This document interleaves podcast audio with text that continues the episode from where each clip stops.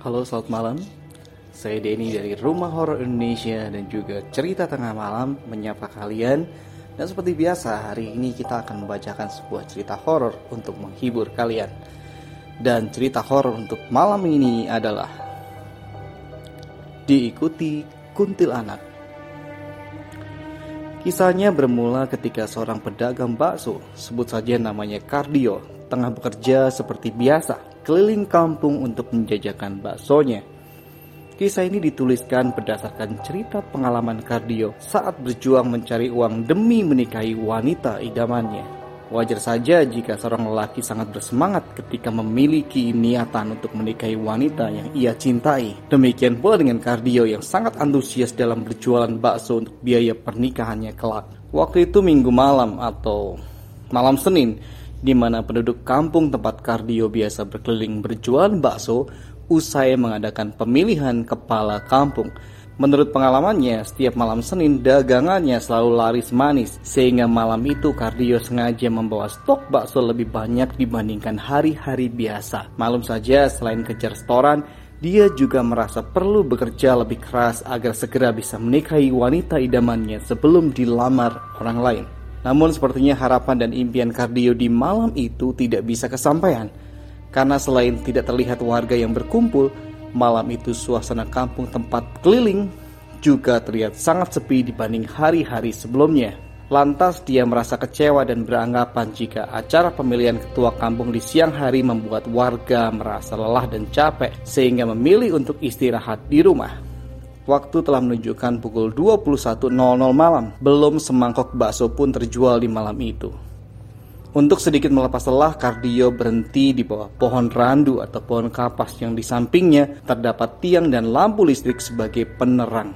Sambil melepas lelah, Kardio memukul mangkok baksonya secara bertahap agar suaranya terdengar oleh warga sekitar. Satu menit, dua menit, hingga sepuluh menit berlalu, Kardio secara bertahap memukul mangkok bakso, namun masih tak ada seorang pun yang terlihat keluar rumah untuk menghampirinya. Ya, sudahlah. Kali aja malam ini memang bukan rezekiku. Gumam Kardio dalam hati. Tak lama kemudian, tiba-tiba terdengar olehnya suara angin gemuruh dari arah berlawanan dan seolah menerpa sekeliling tempat dia berhenti.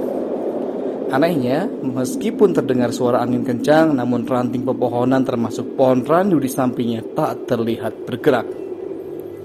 Pengalaman mistis Kardio akhirnya diawali juga di mana lampu penerang jalan yang berada di samping pohon randu mati secara mendadak. Dengan refleks, Kardio menengadahkan mukanya ke atas seolah mencari apa gerangan yang membuat lampu itu mati. Saat ia menengadahkan wajahnya itulah terlihat sosok hantu berpakaian putih yang sedang duduk di atas ranting pohon randu tepat di atasnya berdiri. Tanpa pikir panjang, Kardio bergegas mendorong gerobak baksonya untuk segera menyingkir dari tempat tersebut. Rasa kaget bercampur merinding seolah semakin membuat Kardio ketakutan, beriringan dengan terciumnya aroma bangkai yang membuatnya mual. Perjalanan Kardio malam itu sepertinya belum selesai sampai di situ dia masih berkehendak kembali keliling kampung, meskipun dengan hati was-was dan gelisah atas kejadian yang barusan dia alami. Meskipun Kardio menyadari jika yang dilihatnya tadi adalah penampakan sosok hantu kuntilanak, namun dia tidak memiliki pilihan lain kecuali kembali menjajakan dagangannya. Setelah sekitar 15 menit mendorong gerobaknya, akhirnya terlihat pembeli pertama memanggil dan menghampirinya. Sambil membuat bakso, Kardio menceritakan perihal kejadian yang barusan dia alami, yakni melihat sosok kuntilanak di pohon randu yang masih berada di kampung itu juga. Aneh dan kembali bikin merinding. Kala itu tiba-tiba tercium aroma wangi semerbak layaknya bunga melati yang tengah mekar.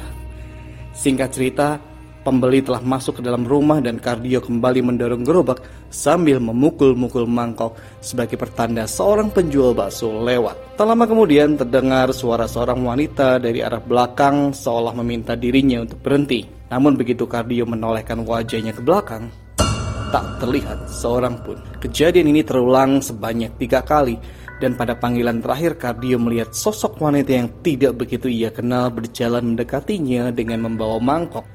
Kardio lantas berhenti karena dia yakin wanita itu adalah seorang pembeli yang ingin membeli baksonya. Kardio pun menunggu pembeli itu dan seperti biasa dia menunduk ke bawah untuk membesarkan nyala kompor yang ia pakai agar air tempat merebus mie segera mendidih. Seusai membesarkan nyala kompor, Kardio kembali berdiri dan menoleh ke arah wanita yang tadi memanggil dirinya. Namun apa yang terjadi? Dia mendapati sosok kuntilanak yang tadi tengah berdiri tepat di belakangnya.